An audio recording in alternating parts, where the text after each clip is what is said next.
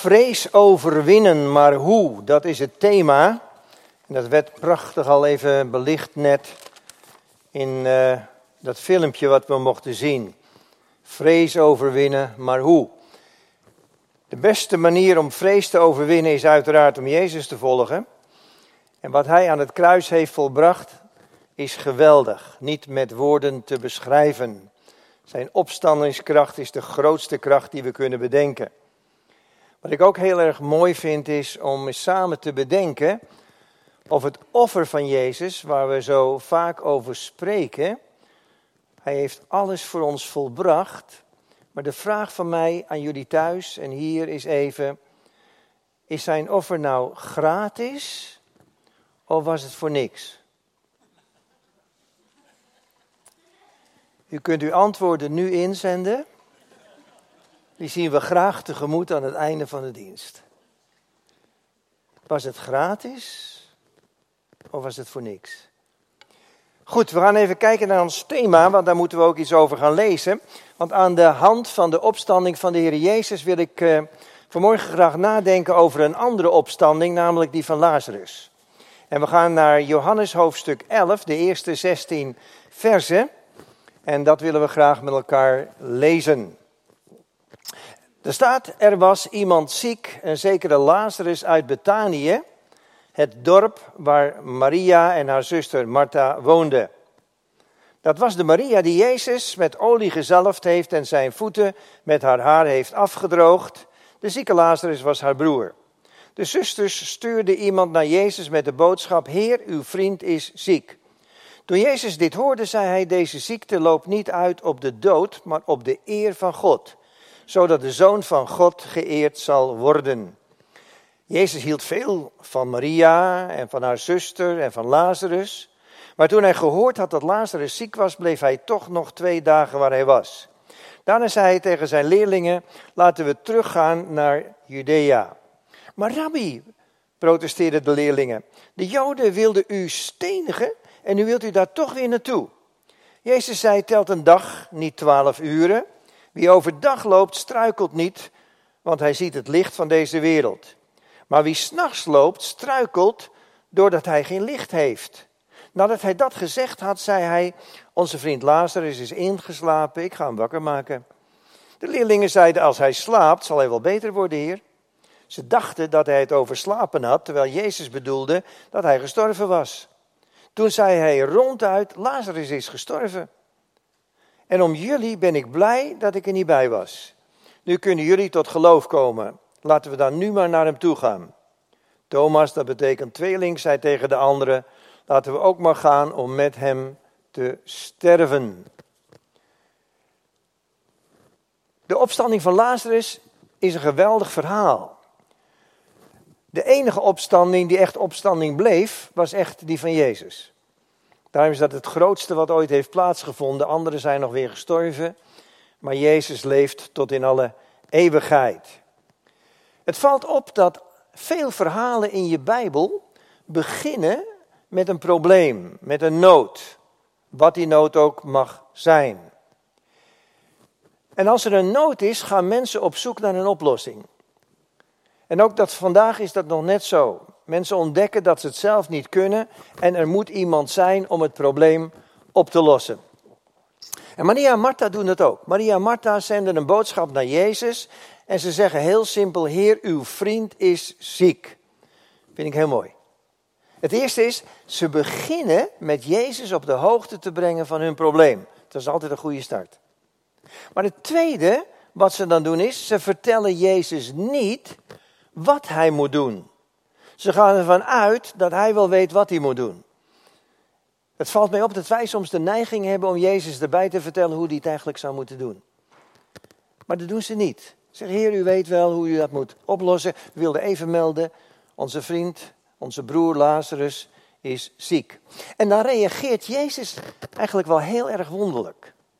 Want je zou verwachten, Jezus die had het nooit te druk. En daarom kwam hij altijd meteen helpen als er ergens een nood was. Maar hier blijft Jezus weg.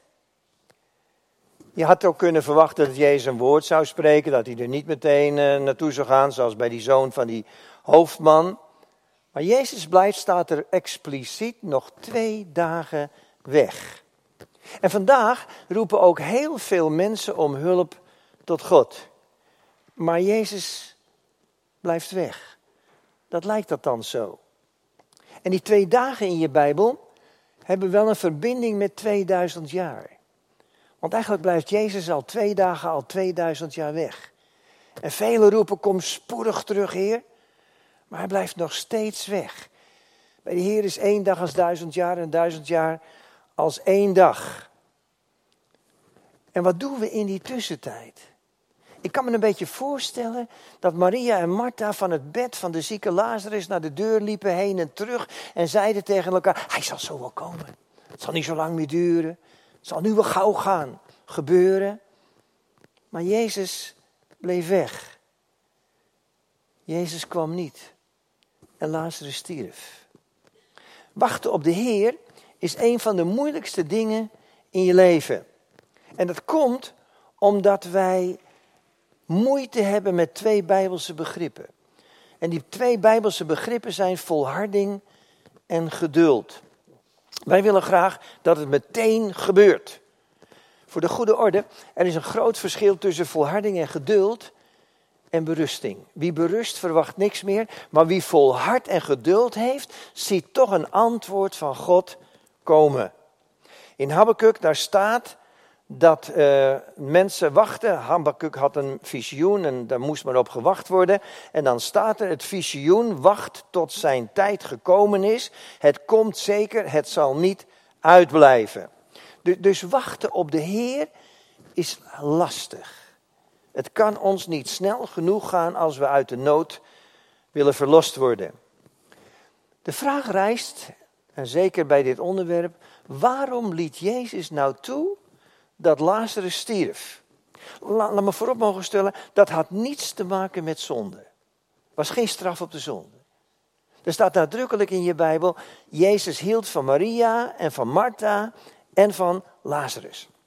Dat is leuk bij Jezus. Bij Jezus ga je nooit onder in de massa.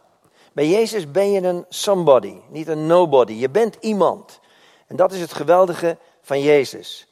Jezus houdt van Lazarus. Jezus kent hem goed. Lazarus kent Jezus. En het probleem is, toch gaat hij dood.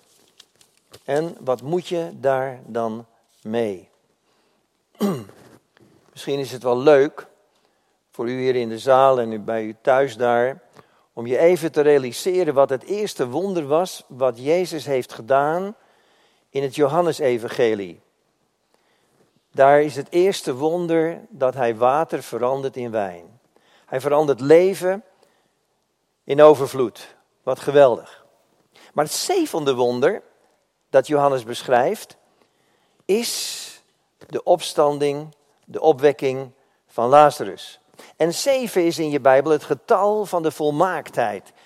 Iemand heeft gezegd, waarom is zeven nou een getal van de volmaaktheid? Nou, dat is in wezen heel simpel. Drie is het getal van de hemel, Vader, Zoon en Heilige Geest. Vier is het getal van de aarde, de vier windstreken der aarde. Drie plus vier is zeven. En als de hemel met de aarde samen gaat werken, is alles mogelijk. Zo simpel. Dus zeven is het getal van de volmaaktheid, van de volheid. Misschien is het ook wel leuk om even te noemen hier, dat die zoon van de hoveling, die werd ook op het zevende uur vrij van koorts. Dus zeven is door je hele Bijbel heen altijd wel weer een terugkomend belangrijk getal. Maar er is, er is nog iets. Lazarus kwam uit Betanië. En Betanië, dat betekent het huis van de onrijpe vijgen. En vijgen duiden in de Bijbel op genezing. Hebben te maken met genezing. Denk maar even aan Adam en Eva. Hè? Als je kijkt naar Adam en Eva, dan hebben ze gezondigd. Ze zijn ziek van hun zonde. Ze kruipen weg in de bosjes. En ze bedekken hun naaktheid met vijgenbladeren. Ja, heb ik nooit begrepen. Als je één bananenblad had genomen, was je meteen klaar geweest. Nee, het moesten vijgenbladeren zijn. Oké, vijgen spreken van genezing. Je ziet het trouwens ook bij koning Hiskia. Koning Hiskia die gebruikt ook een vijgenkoek om genezing te ontvangen voor zijn zweren, zijn problemen. En je ziet, Zacchaeus klom niet in een dadelpalm, maar hij klom in een vijgenboom. En hij was ook ziek van zijn zonde. Zijn ziel was ziek. Vijgen spreken van Genezing, dat zit trouwens ook in onze taal hoor. Je hebt het niet meer tegenwoordig dat het zo vaak voorkomt, maar oorvijgen zijn erg genezend. Ja, het mag niet meer en dat is eigenlijk wel jammer. We missen een heel stuk genezing tegenwoordig. een gezonde oorvijg deed het altijd wel leuk. Oké, we hebben weer andere mogelijkheden misschien. Maar Betanië is dus het huis van de vijgen. En dat is een plaats van genezing. Maar, maar er is nog iets. In Betanië woonden Maria, Martha en Lazarus. En drie, die drie waren één. En eenheid is een geweldige kracht. Als je samen één bent, ook vandaag hier in Loppersum, of je nou thuis zit of hier zit. Maar als je samen één gemeente wil zijn, één lichaam wilt zijn, dan is alle kracht aanwezig. Want er is kracht in eenheid. En eenheid is niet gebaseerd op een horizontale eenheid, maar op een verticale eenheid. Dat is ook de langste balk van het kruis. Verticaal. Als jij één bent met Jezus, ik ben één met Jezus, zijn we samen één in Hem. Daarom is dat, die verticale eenheid is de grootste kracht. En vanuit die verticale eenheid kun je dan gaan werken aan een horizontale eenheid. En dan heb je toch weer dat kruis waar dan alles is volbracht. Nou, Maria, die eh, heeft toen Jezus nog gezalfd en, en Martha heeft hem gediend. En ze waren daar met z'n drietjes één en er kon dus van alles gebeuren. Nou, dat is mooi. Je zou zeggen, nou, nou gaan de wonderen gebeuren. En dan zie je toch dat Lazarus sterft. Lazarus sterft. Alleen Jezus zegt het een beetje anders. Die zegt, onze vriend Lazarus is ingeslapen. Ik ga hem wakker maken. Dat vind ik zo mooi, hè? Hij slaapt. Je moet hem even wakker maken. Voor Jezus is de dood niks, je slaapt. Je moet even wakker gemaakt worden. Lazarus is helemaal niet dood. Hij leeft gewoon verder op een andere plek. Wat zou je druk maken over de dood? De leerlingen zijn net als wij, toch ook wel vaak zijn, ze begrijpen niet wat Jezus zegt. Ze zeggen eigenlijk, als hij nou slaapt, wordt hij wel beter. Maar Jezus zegt, nou ja, ik zal het in jullie taal wel zeggen, Lazarus is gestorven. En nou komt ons probleem. Eigenlijk ook het probleem van de leerlingen. Want nou wil Jezus terug naar Judea, maar in Judea zijn vervelende dingen gebeurd. En dan zeggen de leerlingen tegen Jezus, en ze zijn een beetje in paniek. Ze zeggen tegen Jezus: De Joden wilden u stenigen.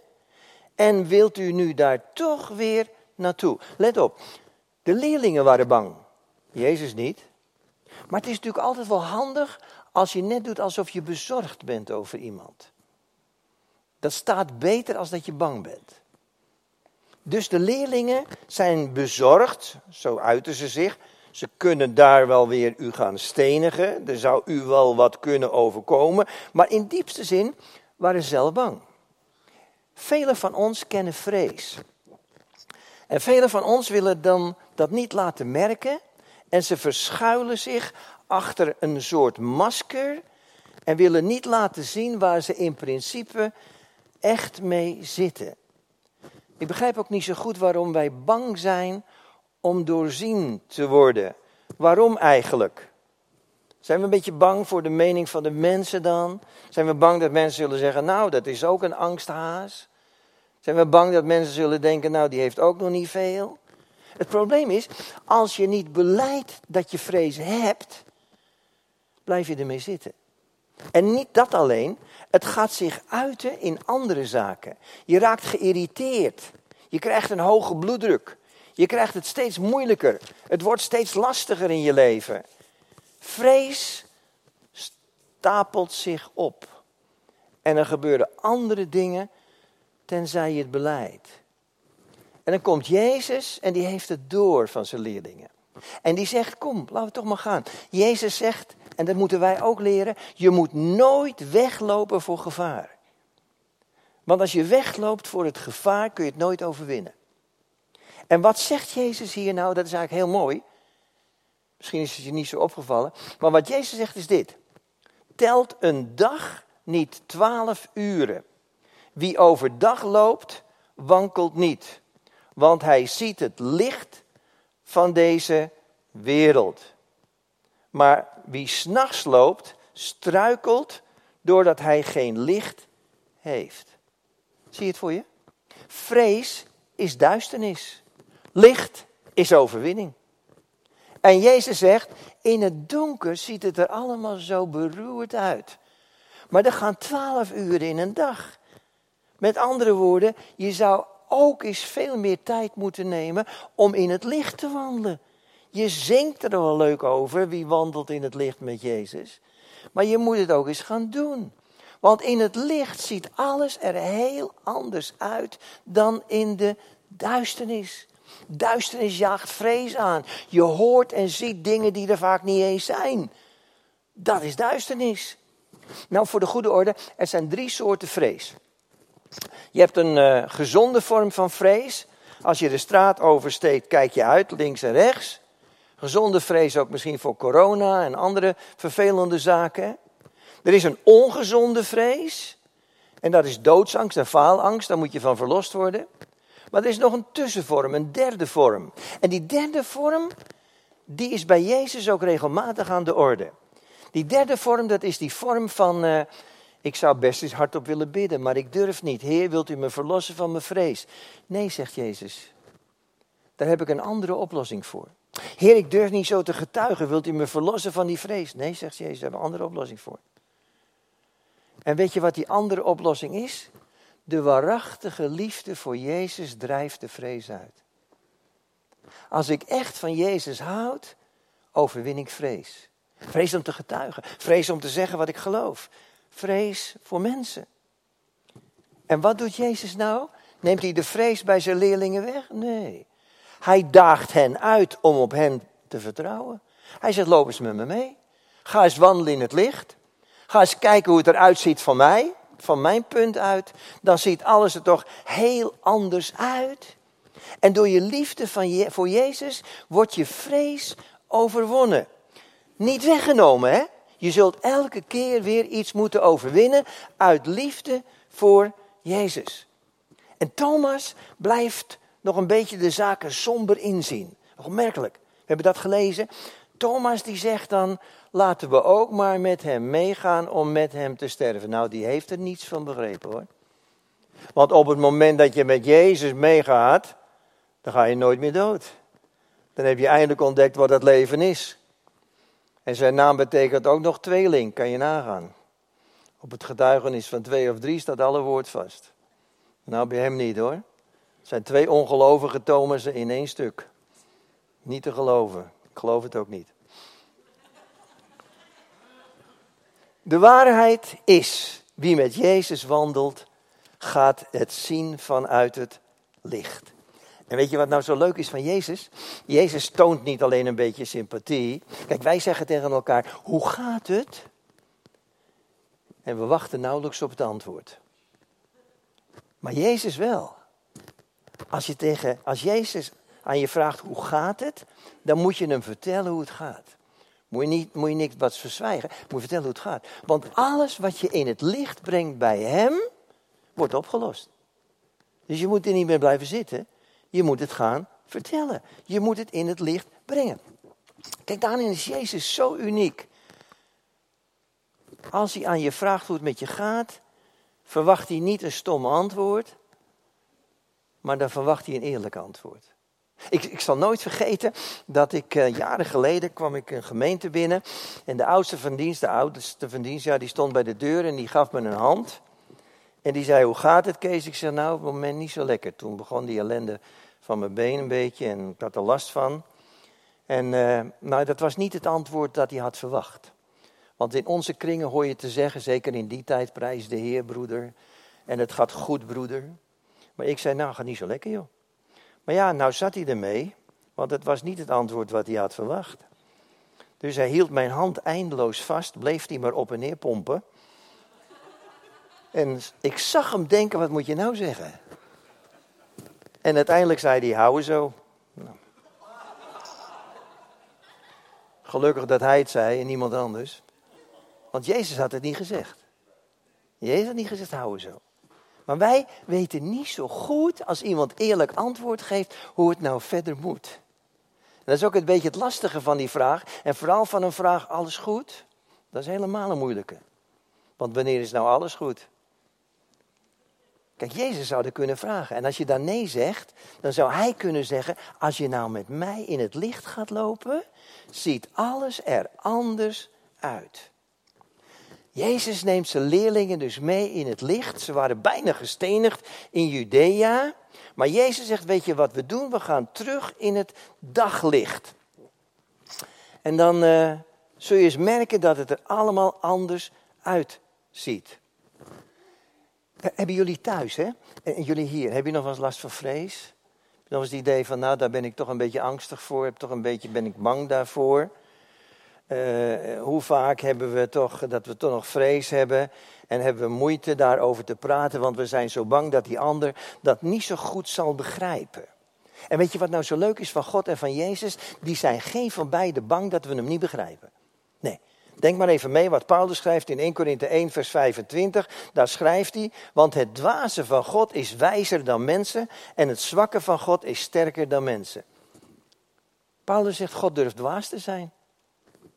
Want wie geeft nou zijn zoon om opgehangen te worden aan een kruis? Dat is toch dwaas in de ogen van mensen? Hoe kan dat nou overwinning opleveren? Maar God is niet bang om dwaas over te komen. Want hij weet wat hij doet. En, en Jezus is ook niet bang. Jezus durft ook te zeggen waar het op staat. Jezus durft gewoon te zeggen, Lazarus is niet dood, hij slaapt. Maar ja, jullie begrijpen dat niet. Maar hij slaapt wel. En dan moeten we wat aan gaan doen. Je moet niet blijven slapen.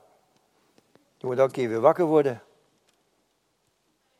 En dat is wat er staat. God durft zich kwetsbaar op te stellen. Jezus durft zich kwetsbaar op te stellen. En weet je hoe dat komt? Ze zijn volkomen zeker van zichzelf. Ze weten wie ze zijn. En dat is mijn probleem wel eens. Ik weet niet altijd wie ik ben. Ja, Kees Goedhart, maar wie is dat? En, maar het gaat er ook niet om wie ik ben. Het gaat erom wie ik ben in Christus. Het gaat erom wie ik ben in Hem. En als ik steeds maar weer durf te beleiden wie ik ben in Hem, dan gaat alles er anders uitzien. En dat is het mooie daarvan. En dan ben ik ook niet meer bang om een beetje apart over te komen. Maar dan durf ik te zeggen waar het op staat. God durft dat, Jezus durft dat en wij mogen op Hem lijken. Wees niet bang om eerlijk te zijn en waar het op staat. En als je dan problemen hebt, doe dan net als Martha en Maria. Zorg dan dat je naar Jezus gaat. Stel Hem op de hoogte van het probleem. Martha en Maria deden dat prima. Zij waarschuwde Jezus en dan geloven ze dat hij er wat aan zal doen. En dan komt Jezus. Veel te laat, pas na vier dagen zo'n beetje. Twee dagen extra weggebleven. En dan moet je eens opletten wat Martha zegt als Jezus komt aanlopen. Martha zegt, als u hier nou geweest was, was het niet gebeurd. En dan zegt Jezus, ja, maar ja, zegt, zegt Martha, dat weet ik allemaal wel. Hij zal opstaan ten jongste dagen. Het komt wel een keertje. En dan gebeurt er nog iets. Dan zien wij ineens twee dingen. Eén, als u hier nou geweest was. En het tweede, ja, hij zal opstaan ten jongste dagen. Maar wat gebeurt er dan vandaag? Niks meer, hè? Nee, het was vroeger en het is in de toekomst en vandaag gebeurt er niks meer. Maar er staat wel, hij is gisteren en heden en tot in eeuwigheid dezelfde. Moet jij je voorstellen, hè? Martha loopt naar Jezus toe. Ze zegt, als u hier nou geweest was. En dan zegt Jezus wat. En dan zegt ze, ja, ik weet wel dat hij op zal staan de jongste dagen.